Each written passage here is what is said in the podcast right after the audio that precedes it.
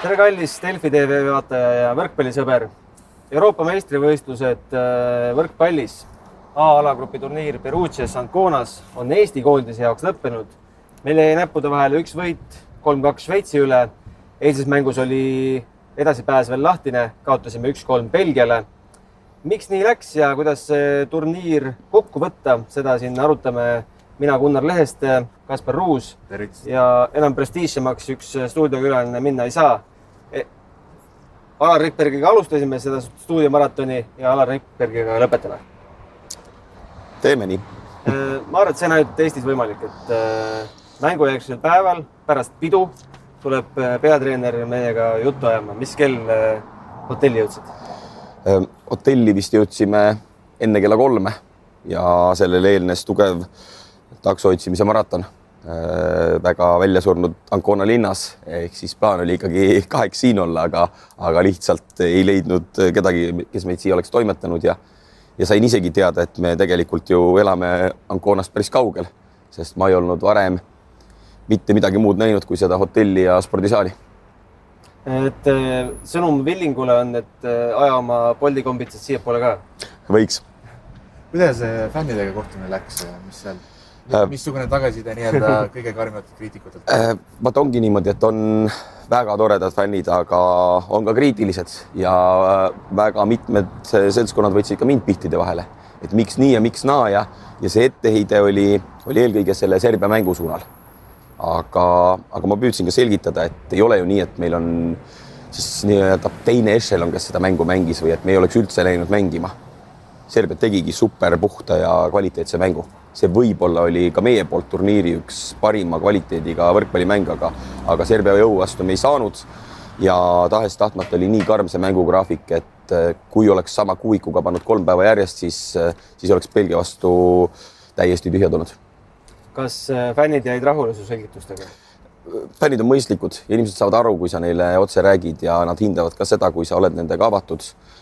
aga üks tõsine spordivänn, ma arvan, sõltumata alast eh, tahab ju alati võitu ja võib-olla mõnikord on need ootused isegi veidi põhjendamatud, et eh, võitu ükskõik mis tingimuses, ükskõik kelle vastu Äh, samas me peame arvestama, et Eesti on ikkagi selline väike riik, mis ka võrkpallis ei kuulu Euroopa suurriikide hulka. me oleme sel kohal, kus me oleme, me vahest suudame kedagi üllatada, aga mitte just liiga tihti. No nii nagu äh, naiste EM-i järel me saime tõdeda, et äh, see tabeliseis on meile loogiline kõiki näitajaid ja tabeliseise arvestades, siis Robert Täht ütles ka, et tegelikult see turniiri stsenaarium oli meie jaoks ja see lõpptulemus loogiline. oled sa nõus, et äh, natuke siit oleks juba üle varju hüppamine? Äh, jah, aga eesmärk oli üle varju hüpata.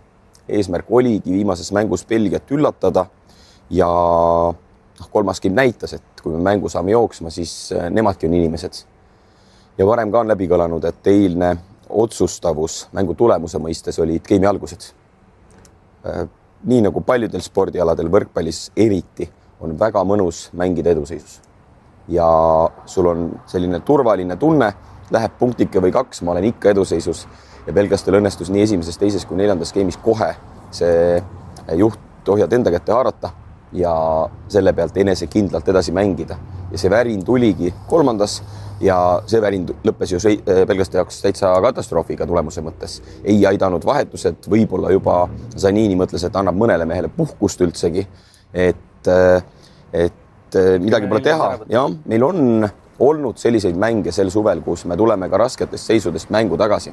aga sellisel tasemel on, on ikkagi keeruline nende vastaste vastu loota, et oled sa nelja-viie punktiga game'i alguses taga ja siis game'i lõpuks suudad veel selle asja enda kasuks pöörata see game'i alguses paistis olevat natuke probleem ka igas mängus, et okei Šveitsi vastu alustasime väga hästi kaks esimest game'i, aga minu arust oli iga vastase vastu vähemalt üks või kaks game'i, kus oli noh, tuli a la mingi viis-kümme, mingid siuksed kaotusseisud, et kuidas sulle tundub? tõsi ta on, neid oli.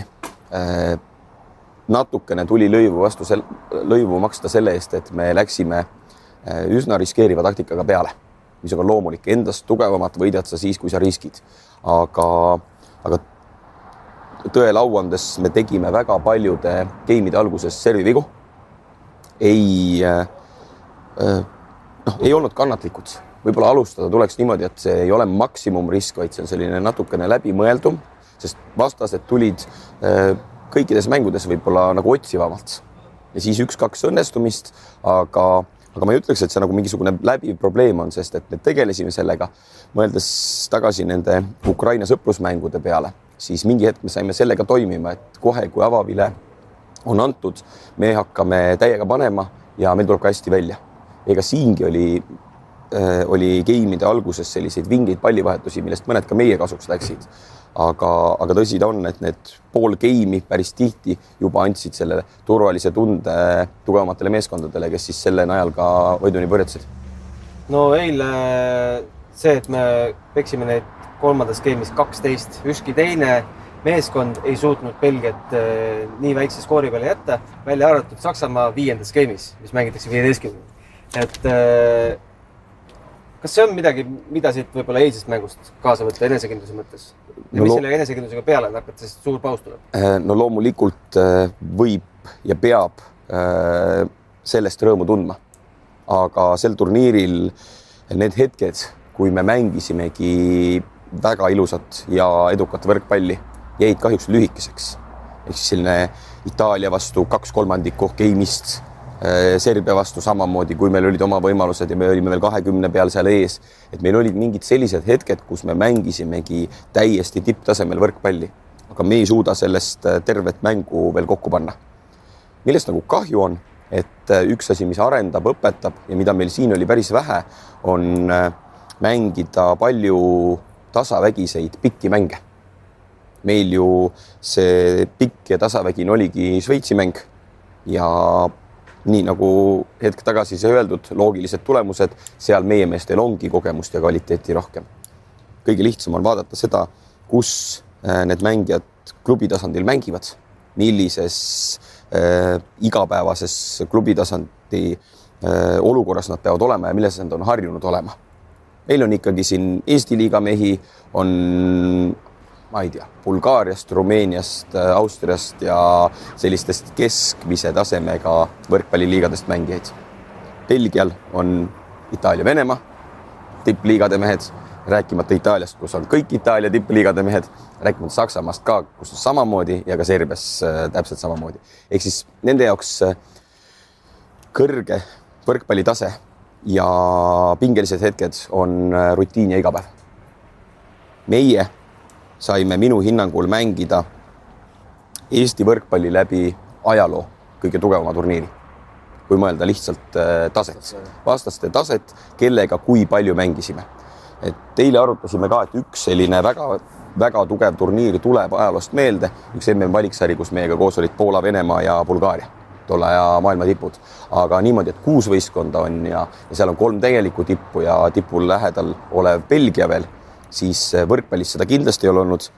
ma ei julge lubada, kas üldse mõnes äh, olulises pallimängualas on Eesti rahvuskoondis nii kõrgetasemelisel turniiril osalenud. no, äh, kapten Andrei Aganits äh, mainis ka eile ühe läbina, läbiva teemana, et, et mängijad äh, vajavad nagu ka klubiliselt iga päev sellist taset, et siis sa nagu oskad neid mänge nii-öelda enda kasuks pöörata. täpselt nii ta on, aga kust sa seda saad? selleks peab juhtuma see, et meie mehed pääsevadki tippklubidesse. kui me räägime nagu tõsiselt tippklubidest, siis mõeldes ka järgmise hooaja peale. Märt Tammearu Prantsusmaal Tursis on mitte täielik tipptase loomulikult, ta ei ole Euroopa top kümne ega top kahekümne hulka kuuluv klubi, aga ta on korralikul tasemel meistrite liiga võistkond. pärast seda noh, tuleb nagu tükk tühja maad ja meil ei ole mehi, kes oleks, kes olekski tippude juures. Ja see, et me oleme Belgia liigas, jah, kindlasti märgatavalt kõrgem kui kohalik Eesti või Baltikumi tase, aga see ei ole Euroopa tipp. Ja, ja ei ole lihtne pääseda, sellepärast et äh, tippu pääsemiseks peab see potentsiaal, see tase, sa pead leidma koha, kus ennast näidata, sa pead kellelegi silma jääma ja sul peab veel lisaks ka õnne olema, sest äh, tahes-tahtmata Äh, eelarvamustest tulenevalt väga palju lihtsam on tippu jõuda nimekate riigi, riikide mängijatel. et sa ei pruugi isegi nii hea olla, aga kui sul on Serbia pass, siis see maksab rohkem kui Eesti oma. rääkides veel tugevatest vastastest ja staaridest, siis Ferrer Egers, mis plaan teil tema vastu oli ja kas seda plaani püüdsite korrigeerida? püüdsime korrigeerida ja muuta ja tegelikult oli teada, et ta on nii mitmekülgne, et seal ei saa läbivalt mängus ühtemoodi mängida. Ja pärast mängu kuulsin ka, kuidas seal mõlemad Belgias mänginud mehed, üks siis tema ka, teine tema vastu mänginud äh, Renet Vanker ja Märt Tammearu omavahel arutasid, et mis me siis seal Belgias tegime. aga oligi niimoodi, et rasketel hetkedel eksis, tegi ise vigu, äh, saadi plokiga võib-olla kinni, aga noh, mis sa teed, kui Äh, kui nii Märt Tammearu kui Robert Tähe plokist lihtsalt korduvalt üle löödi. Ja sul ei olegi mitte midagi teha, sellepärast et gabariidid ja rünnaku kõrgused on sellised, kui on väga raske taktikaliselt midagi ette võtta.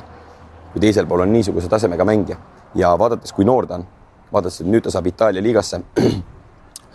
kui ta seal ei kõrbe või mingeid rumalusi ei tee, siis potentsiaal on tohutu ja, ja tegelikult selle mm, noh, võib-olla isegi pelgaste enda mitte isegi treeneri, vaid alaliidu poolt surutud rumaluse tõttu on tal areng isegi natukene hilisem, kui ta oleks võinud olla.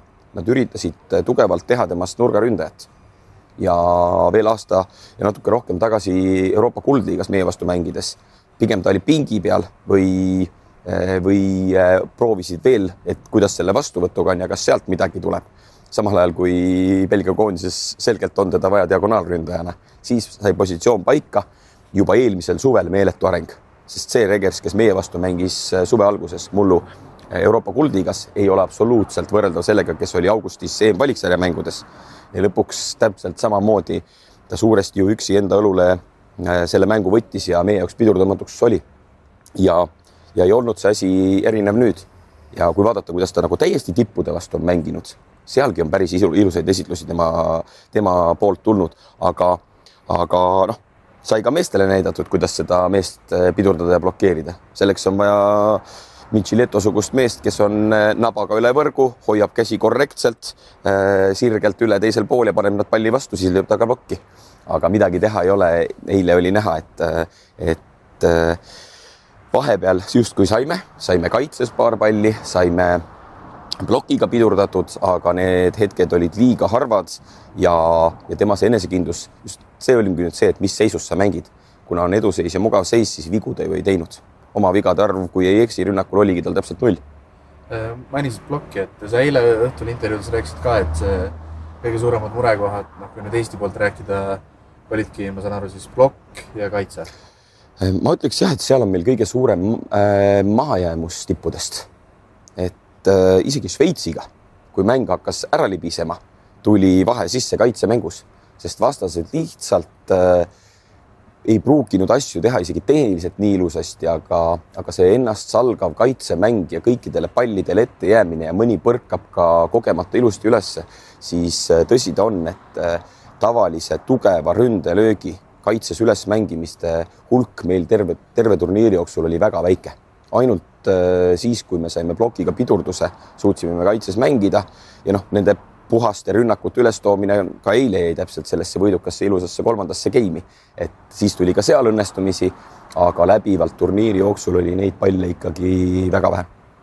Äh, veel rääkides äh, meie positsioonidest, siis võrkpallis üldse sidemängijale vaadatakse alati väga kriitiliselt otsa ja oli seda kriitikat ka meil kosta nii sotsiaalmeedias kui ka, kui ka ajakirjanduses.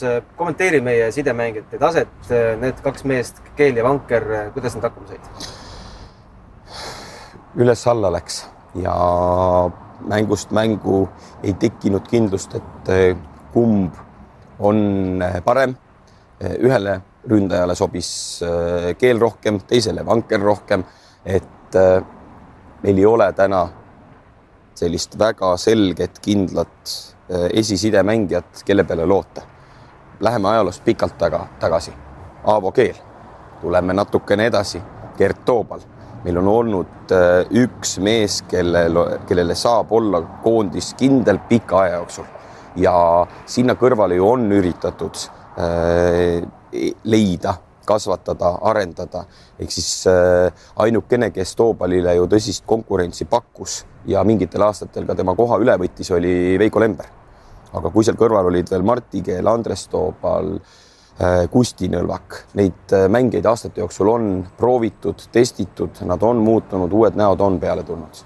minu lootus on lihtsalt selles, et nii nagu Gert ise ja nii nagu eestlasele kombeks, siis äh, sidemängijad küpsevad äh, hilises eas ja meil ei ole veel äh, mitte ainult neist kahest rääkida, vaid äh, meil jäi koju Robert Viiber ja suve alguses ainult väikese šansi sai Aleksander Eerma. meil on neli meest, kellel on potentsiaal. kes neist tõsiselt pead kandma hakkab, seda näitab tulevik. Mati Merirand Õhtulehes ütles, et tema oleks võtnud Viiberi vaadates viimast Ukraina mängu, kuidas, kuidas sa selli-, noh, esiteks, kuidas sa seda kriitikat võtad, sa ei saa enam sellega midagi teha, sul on juba valikud tehtud. ja teiseks, kuidas sa Matile vastaksid, mille poolest äh, äh sina Viiberi vahetasid äh,? Mati Merirand Rakvere patrioodina ei saagi öelda mitte midagi muud, kui tema võtaks Rakvere mehe. selliseid asju on äh, tahes-tahtmata, isegi kui me üritasime ka enda valikuid teha täiesti neutraalselt, siis väga imelik oleks, kui Aavo Keel oleks öelnud, et Markus Keel ei sobi siia kaasa sõitma, sest et äh, kui sul on ikkagi äh, poeg koondises, siis ükskõik, mida sa reaalselt mõtled või tunned, siis mingisugune arvamus sinna kasuks läheb. mina, aga mina olin kõige neutraalsem asjades, kui me vaatame nüüd aastate jooksul toimunud valikuid, siis on olnud Eesti võrkpallikoondises nurinat, et eelistatakse mingi klubi mängijaid sellepärast et äh, koondise treener on ka selle klubi treener ja täiesti objektiivselt nii ongi olnud. Alati ei ole olnud valik äh, sportlik printsiip. Äh, seal on naljakaid põhjuseid, seal on ka sisulisi põhjuseid, aga mõtleme tagasi sellele suvele. esimesed kaks meest, kelle ma Euroopa kuldliigas välja jätsin koondise valikust, olid Mart Naaber ja Aleksander Eerma. mõlemad need mehed, kes on Tartu Bigbanki mängijad Äh, siis lihtsalt ühe sellise seigana, et äh, tegin ka pakkumise Mark Sarule järgmiseks hooajaks tulla Tartusse mängima. sel päeval, kui ta ütles, et äh, ta ikkagi teeb lepingu Selveriga ja Tartusse ei tule, karistuseks, nii-öelda karistuseks, oli ta esimest korda algkoosseisu mängija Euroliigas. ehk siis ma ei saa mitte kuskil oma egost või, või klubilistest eelistustest teha Äh, selliseid otsuseid, need on kõik äärmiselt objektiivsed. me panime sidemängi osas juba suve alguses tegelikult kaardid ju Renet Bankeri peale, andsime talle esimese, teise, kolmanda, neljanda, viienda võimaluse ja nii edasi. ehk siis tema peale läksid kõik kaardid ja kõige olulisem valik Viiber versus Keel lõpus äh, oli minu jaoks äh, selles, kes neist raskes heigu, heis, seisus tuleb platsile ja suudab mängu muuta suudab lihtsalt äh, tuua mingisuguse muudatuse. Markus seda suutis ja tal on kõige rohkem nahaalsust nendest sidemängijatest ja see saigi otsustavaks, sest tegelikult pole midagi öelda, nad olid väga võrdsed, aga sidemängijat hinnata äh, isegi äh, kui me tuleme tagasi nagu kogenud treeneri pilgu läbi ja seeläbi nagu soovitada ühte või teist, ei ole mõtet. me ju analüüsisime sidemängijaid päevast päeva, nädalast nädalasse mitte ainult mängudel, vaid iga trenni põhjal ka. ja, ja mulle tuleb, mul tuleb tunnistada, et kogu see punt on üsna võrdne täna. Räägime veel mõnest positsioonist. Oliver Venno oli meil ikka selle, selle turniiri staar. kas me võtsime Oliverist maksimumi välja, oli seal veel midagi peidus või, või nii ongi hetkel? ma arvan, et üsna maksimumi, sellepärast et kui sidemängijad oleksid hakanud nelikümmend, viiskümmend palli mängust talle toppima, siis tahes-tahtmata see keha sellises vanuses niisugust koormust enam välja ei kannata. Ja see, et ta sai seal vahepeal vabasid või vabamaid mängupäevi, oli ka täiesti selgelt taktikaline valik, sest vastasel juhul oleks ta viimases mängus Belgia vastu olnud küpse. meil oli lihtsalt niivõrd äh, palju ebaõnne. üks on see, millest on räägitud, et äh, õnn või ebaõnn, me saime mängida läbi aegade kõige tugevama tasemelisel turniiril. teine see, et ajakava niimoodi koostati. Belgia mängis meie vastu sellises rütmis, et neil ei olnud kordagi järjestikuseid mänge. Neil oli neljas mäng üheksa päeva jooksul. meil oli viies mäng seitsme päeva jooksul, kolmas järjest. kas ajakava osas peatreenerid ei saanud sõna? Äh, ajakava otsustab korraldaja korraldaja paneb iseenda ajakava paika ja mängude järjekorra ja ülejäänud tuleb süsteemi järgi kõik. et äh, see, et mitmendana Itaalia tahtis meiega mängida, otsustas, kuidas me teistega mängime ja millise ajakava järgi ja keegi ei vaata seda. meie Eesti turniiridel teeme täpselt samamoodi. Eesti naiskond pani järjekorra paika. Nende jaoks oli suht sama kava, mis praegu oli Itaalia. täpselt nii, korraldaja valib endale kõige mugavama ja siis sellest tulenevalt, kellega, millal ja mis järjekorras korraldaja tahab mängida, ülejäänutel kas veab või nad kannatavad. nurgaründajatest, et mainisid eile ka, seda oli mängudes ka näha, et Tammarul, Tähel, Juhkamil, et seda stabiilsust jäi puudu, et noh, oli mänge, kus tuli üle kümne punkti, aga ma ei mäleta, kas oli Šveitsi vastu näiteks, Tähel oli vist üle kümne punkti, aga oli ka üheksa serviviga, et ja Tammaru üsna tihti olid löögid, jõudsid, noh, maandusid plokis ja lõpuks meie pool. et, et mis seal jäi selle nii-öelda stabiilsuse või noh, mis seal selle taha jäi, et stabiilsus oleks parem olnud? no sektsioonis? Robert Täht on ju mänginud hästi Eesti koondises küll ja veel ja vedanud seda meeskonda. aga millal Robert Täht tõsiselt Eesti koondist viimati üldse esindas, küsin ma vastu. ta on ju aastaid eemal olnud. Äh, kui tasavägine ja viljakas tal viimane klubihooaeg oli see üldse pooleli, kus on see mängupraktika ja kus on see enesekindluse tekitamise koht. mees tuli operatsioonist vigastuse pealt ja ainult selle laagriga ja nende üksikute kontrollmängudega ei saagi sellist stabiilsust kasvatada, sest et võtate kõrvale itaallased Micheletto Lavia, võtame isegi need sõprusmängud äh, Ukrainaga, äh, Oleg Plotnitski, mehed igapäevaselt aastast aastasse täiesti tipus ja kogu aeg ja kogu aeg ja kogu aeg selle ratta peal. Äh, Märt Tammearuga oli karta ja oli hetki, kus äh, noorus, kogenematus äh, panid võib-olla veidi värisema, aga ta ei hakanud rumalusi tegema. ta võttis sellise lähenemise, et ta mängis liiga kindla peale, sellepärast jäid pallid mängu, vastane tõi nad, äh, sai plokis näpud vahele või tõi nad kaitses üles ja sellepärast polnud resultatiivsust. et ega ta vigu palju ei teinud, aga aga noh, ta leidis alati niimoodi, et kui käima sai, siis leidis enesekindlus üles. aga see on normaalne, sellepärast et ükskõik, mida keegi ütleb, tegelikult see oli ju Märt Tammearu esimene EM-finaalturniir. see, et sa korraks platsil oled ja vigastada saad Läti mängus, see ei ole ju finaalturniiri mängimine, nüüd oli turniiri mängimine. ehk siis meil on noh, mehi ka eriti Märt ja, ja tulevikus veel selliseid, kes, kes äh, hankisid siit kindlasti tugevasti enesekindlust ja kogemust, aga ma ei saa ma saan, aga see oleks minust väga rumal ja vähegi targad inimesed saaks sellest aru, kui ma ütlen, et see oli nüüd see turniir, kus me õppisime ja omandasime praktikat ja nii edasi, sellepärast et meil on väga palju ikkagi koosseisus kolmkümmend pluss mehi. no kolmkümmend pluss meestest rääkides, siis äh, me ei tea, kes neist jätkab äh,. Robert on öelnud, et iga kord, kui kutsutakse, tulen Oliver jättis äh, otsad lahtiseks. Reneed, Reneed me ei saanud eile intervjueerida, sest tema noh, ei olnud põhjust, mänguaeg ei olnud nii suur Äh, minu esimene mure on see, et kes meil on järgmine nii-öelda number üks diagonaalründaja? ongi väga selge mure ja vaatame, vaatame Eesti mängijatele otsa, kes siis üldse diagonaalründajad on, siis ka klubilisel tasandil Tartus, Bigbank Tartu võistkonnas on järgmisel hooajal välismaalane diagonaalründaja. Võru meeskonnas on välismaalane diagonaalründaja. Selveris on välismaalane diagonaalründaja ja kui nüüd tõele vastab, et Tom Swans pannakse Pärnus ikkagi diagonaali positsioonile, siis ka Pärnus meil ei ole isegi Eesti tasemel, Eesti liiga tasemel diagonaalründajat. meil on, meil on Kordas, kes läheb Šveitsi nurgaründajaks, kes ei mängi diagonaalründaja positsioonil ja siis on meil Markus Uuskari. Ei ole päris selliste gabariitidega, et me läheks Itaaliat võitma. aga tulebki leida, tuleb äh, noh, me ei, kuskilt äh, metsast me neid mehi ei leia. äkki tuleb kodustada? Äh, ma ei ole selle poolt ja seni, kuni mina siin pundis oleks, pigem kodustada küll kedagi ei tahaks ja ma ei tea, kuidas see protsess isegi välja näeks.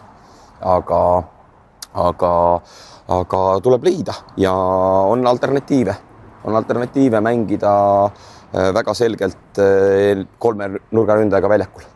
kui me vaatame seda, mida Sloveenia on terve suve teinud siis äh, Gretu ju tegi selle, et ta pani ühe nurgaründaja noore Rok Mosic'i diagonaali vahepealt, Tšabuli diagonaali. ta mängibki kolme nurgaründajaga maailmaliigas EM-finaalturniiril ja seni väga-väga edukalt. mina tahtsin ühte teemat veel puudutada, see on äh, game'i lõpud ja vaimne valmisolek ja kogemused. Äh, tänapäeva äh, maailmas on võimalik kasutada ka spordipsühholoogi abi. kas te olete sellele mõelnud, et meeskonnale kuluks staffi ära üks selline psühholoogi taustaga inimene? ei ole mõelnud ja meil ei ole sellist asja, et nüüd näed, miks see game'i lõpp läks või mis siin juhtus või noh, neid olukordi ei olnud ju nii palju. ja kui me vaatame sellesama Šveitsi mängu peale, siis need kõige olulisemad punktid suutsime ikkagi enda kasuks pöörata mm,. ma isegi ei tea, kas Aavo ajal kunagi ammu-ammu on äh, spordipsühholoogi abi kasutatud. pigem äh, ma olen ise ka soovitanud äh, teatud hetkedel väga üksikutele mängijatele äh, ma ei ole näinud vajadust selles meeskonnas, et, et meil midagi niimoodi paigast ära oleks. et võib-olla on veidi, veidi rumal oodata häda ja alles siis reageerida, aga samas ma ei näe seda häda tulemas, meil ei ole sellest puudus, et nüüd otsustavatel hetkedel enesekindlust kuskilt leida või hullu vajadusel panna, et, et see pool ja see keemia tegelikult võistkonnas päris hea. et ma nägin viimasel paaril hooajal, kuidas rahvusmeeskonna ühtsus kadus ära. lihtsalt mängijate omavahelisest suhtlemisest, omavahelisest läbikäimisest tekkis selline üsna terav noored-vanad vastasseis ja, ja ei olnud nagu sellist mõnusat ühtset punti, siis, siis tänavu see olukord kindlasti kõvasti paranes. no paranes, ma arvan, et eelkõige selle tõttu, et sa andsid neile natuke rohkem vabadust. mitte ainult, küsimus on väga pisikestes detailides esimesest trennist alates, mida ma meestele räägin, kuidas ma käitun, kuidas ma reageerin ühele või teisele situatsioonile trennis et äh, mullu ja tunamullu oli täiesti tavaline see, kuidas äh, näost punased vihased mängijad löövad jalaga palle lakke ja sõimavad ja karjuvad ja ei suuda oma emotsioone kontrollida. ma tegin isegi teatud harjutusi sellises rutiinis ja sellises rütmis, et sul ei oleks aega treeningprotsessis emotsiooni ei positiivselt ega negatiivselt kogedagi vaid sa mõtled kohe järgmisele punktile, sa mõtled tegevusele, sooritusele, mitte nii palju emotsioonidele, mis sinust sel hetkel välja tulevad või sinu üle ka võitu saavad. et see on täiesti teadlik ja me oleme sellega tegelenud ja küsimus ei ole ainult selles, et kes on kohustuslikus korras pandud hotelli elama või, või saab kodus pere juures olla, kuigi ka see on oluline osa meil on, kui me mõtleme seda põlvkonda, kes siin alustas võib-olla Aavo ajal, aga, aga põhiaastad veetis siis Gretu koondises. see oli nagu üsna selge üks tuumik, kellega me mängisime, ega seal väga palju ju vahetusmängijaid ei ole.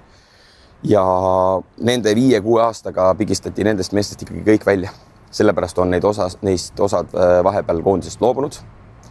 kas just otse sellepärast või muudel põhjustel on väga paljud või isegi kõik neist tõsiste vigastustega maadelnud või operatsioonidel käinud.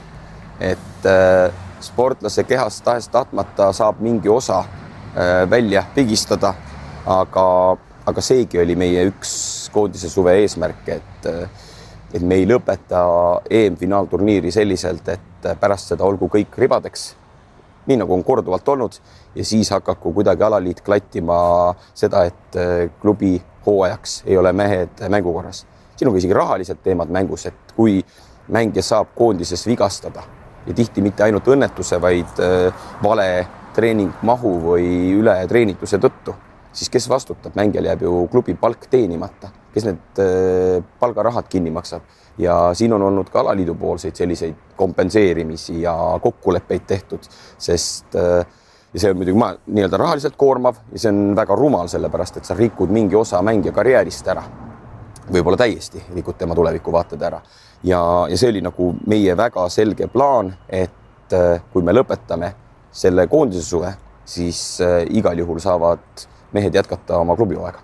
muide, kas mängijad koondise esitaja esindamises mingit boonust saavad?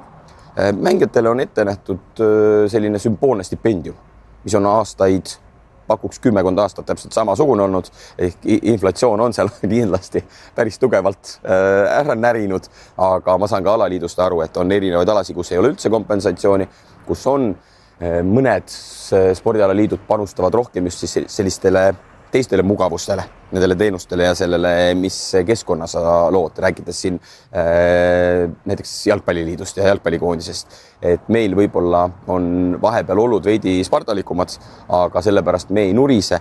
noh, samas seesama sümboolne stipendium peab ka sellepärast olema, et meil on, meil on ka koondises ikkagi mehi, kelle jaoks, kelle jaoks raha on tähtis selle poole pealt, et ka nende, nende igapäevane klubipalk on heal juhul noh, pool Eesti keskmisest palgast. et võrkpallis ei liigu selliseid rahanumbreid ja, ja on ju ajaloos olnud ka olukordasid, kus alternatiiv suvel eh, koondise esindamisele on suveperioodil lihtsalt töö tegemine. kas sinul on eh, soov ja motivatsioon selle pundiga edasi minna? ei julge täna öelda, sellepärast et eh, ma ei tea absoluutselt, mida alaliit mõtleb ja kes selle otsuse teeb, noh, selge on see, et juhatus võiks, võiks see otsustaja olla ma ei saa ju öelda, et meil mingisugust hullumeelset läbikukkumist oleks sel suvel olnud, sest et päris selgelt eh, pannes mind eh, koondise peatreeneriks võeti teatav risk, sest seni on olnud ikkagi päris nimekad. viimati võeti selline risk siis, kui pandi Aavo Keel peatreeneriks, täiesti kogenematu, alles mängija karjääri lõpetanud mees. aga siis oli aeg üheksateist aastat tagasi, siis algas ka minu karjäär Eesti koondises. ja kui mõelda selle peale, et eh, mis selle turniiri, turniiri ajal jookseb, äh, toimub, siis tavapärane rütm on see, et hommikul kell kaheksa sa alustad tööd ja üsna stabiilselt poole ühe, poole kahe vahel lõpetad öösel. Äh, nii hull ei ole nagu vahepeal, et päris duši alla ka ei jõua. ja oli päris mitu päeva, kus õnnestus pool tundi või tund aega lõunauinakut teha, et natukene une, unevõlga tagasi võita. aga see on päris hullumeelne ja see peatreenerina, kui sa paned pinged ja selle kohustuse, võidukohustuse, panin ma iseendale peale. seda mulle otseselt ju mujalt peale ei pandud. aga alaliit võttis mõnes mõttes riski, ma ei ütleks, et me lati alt läbi läksime, sellepärast et me olime päris raskes seisus, päris pooliku koosseisuga kuldliigas, et sinna püsima jääda. sellega me saime hakkama. mis see tulemus meil siis oli, kolm võitu, kolm kaotust selline täitsa keskpärane, arvestades, kui palju mehi meil ka puudu oli ja mitte ainult, äh, arvestades seda, kui äh, vigastena me nad alguses kätte saime. kui üldfüüsilise ettevalmistuse treener Ott Erik Kalmus, kes äh, on küll spordis väga kogenud, siis võrkpallikoondisega ta varem ei olnud ju kokku puutunud, tuli treeninglaagrit läbi viima ja alguses oli jõutreeningutel oluline osa, siis ta mõtles, et ta teeb jõusaali kavad valmis ja mehed hakkavad neid täitma kogu kohale tulnud pundist kolm tükki suutis neid harjutusi teha. lihtsalt nad olid katki kõik tehtud. kes, kes need kolm olid? ei mäleta enam, mul on üks tabel ja see oli nagu see väga-väga-väga masendav hetk, kui mind oli valitud peatreeneriks ja ma helistasin üle kolmekümne Eesti mängija läbi kellest siis minu enda valikusse noh, loogiliselt selline kakskümmend neli umbes jäid, kelle seast siis tuleb hakata valikut tegema. Nendest olidki kolm pool kes ütlesid jah, ma olen terve ja valmis koondise eest esinema hakkama. teised lugesid ette hädasid, millal on uuringud, millal saab teada. Äh, ja see oli nagu väga-väga masendav pilt, mis seisus siis klubihooaja lõpus kogu see koondis oli ja me tegelesime selle lappimisega, aga niipidi on hea, sest väga tihti juhtub nii mõtleme kahe aasta tagusele EM-ile, kus äh, sügiseks on hoopis äh, santide armee koos aga nüüd selle küsimuse juurde tulla, et mis edasi või, või kas minuga, siis ei julge öelda, kas tahan üheksateist aastat ja üheksateist suve oma elust Eesti võrkpallikoondisele ära anda. see on suhteliselt pool elu ja ma ei tea, kas ma tahan ja jõuan. mingi hetk see energia ja värskus saab otsa sest et mina ei ole treenerina ka selline, kes safe mode'is äh, vaikselt sidurit libistades seda tööd teeb. kui vaadata platsi kõrval, ma üritan ju ka mängijatele anda seda energiat ja, ja sellele mängule niimoodi kaasa elada. loomulikult ma võiks pingi peal istuda ja jalgu üle teise panna ja vaikselt varvast kõigutada seal energiat äh, kuluks märgatavalt vähem mängu lõpuks. mul on ikkagi särk läbi higistatud ja ma olen täiesti küpse, kui, kui mäng veel pikale peaks minema. et äh, see, kui palju sa sellest energiast endast välja annad, ei välista, et see saab mingi hetk otsa lihtsalt.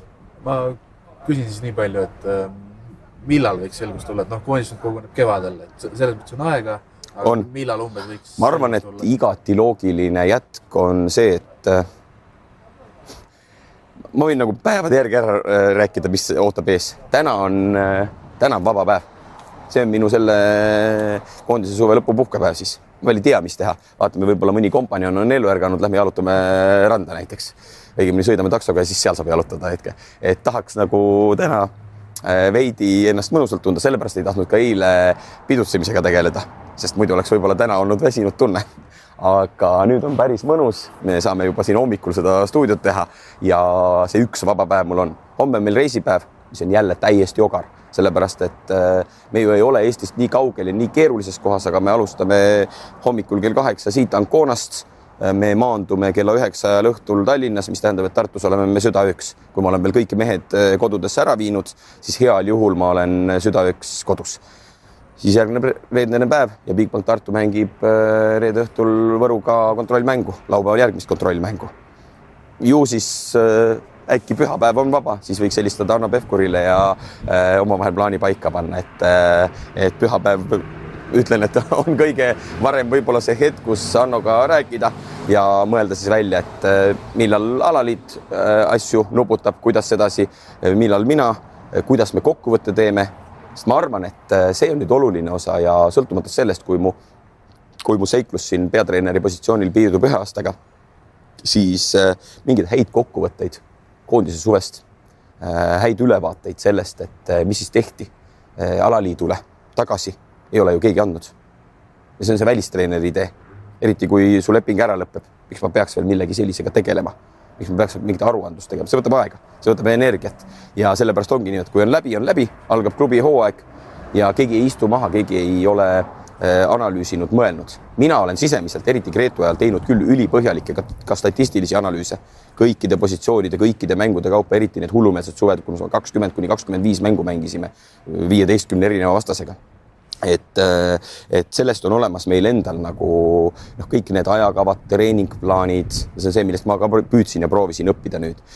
aga, aga nüüd tuleks jah, siis kokkuvõte teha, siis uurida Anno käest inesed ja võib-olla neil on otsus ära tehtud, uus peatreener juba välja valitud. äkki mõni targem mees tribüünide peal kes suutis silma jääda ma ei oska öelda. igatahes järgmine EM on vist kaks tuhat kakskümmend kuus, jah ja.? nii ta on. et äh, päris pikk paus tuleb. Äh, ma veel küsin, kas need kontrollmängud äh, Tartu ja Võru vahel on publikule avatud?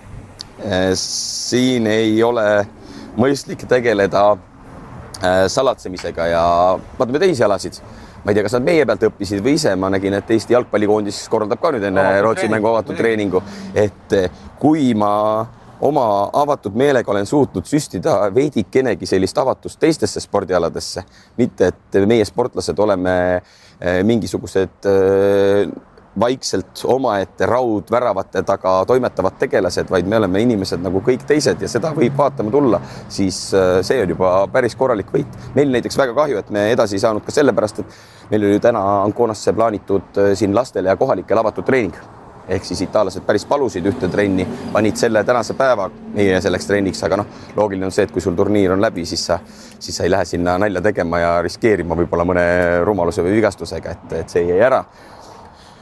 Aga jah, nüüd algab Bigbank Tartu hooaeg ja kõik on teretulnud meid kaema. seni ta on mida ma võin öelda kõikide Perugias Anconas viibivate ajakirjanike nimel, et meie jaoks tegid sa oma avatusega selle turniiri küll äh, võib-olla kümme korda põnevamaks, kui see muidu oleks olnud. me saime osaleda videokoosolekul. mis teisel spordialal ja millal viimati, saatke meile meil, meie ei suutnud meenutada. Needsamad stuudiod, kuhu sa oled valmis tulema oma praktiliselt uneajast. müts maha. aitäh. aitäh. aitäh teile aitäh kuulamast-vaatamast. järgmine EM, nagu öeldud, kaks tuhat kakskümmend kuus, aga klubi hooaeg, ärge unustage ära ka Eesti klubisid, käige vaatamas minge elage kaasa, lugege Delfist ja mujalt ja meie täname. kõike head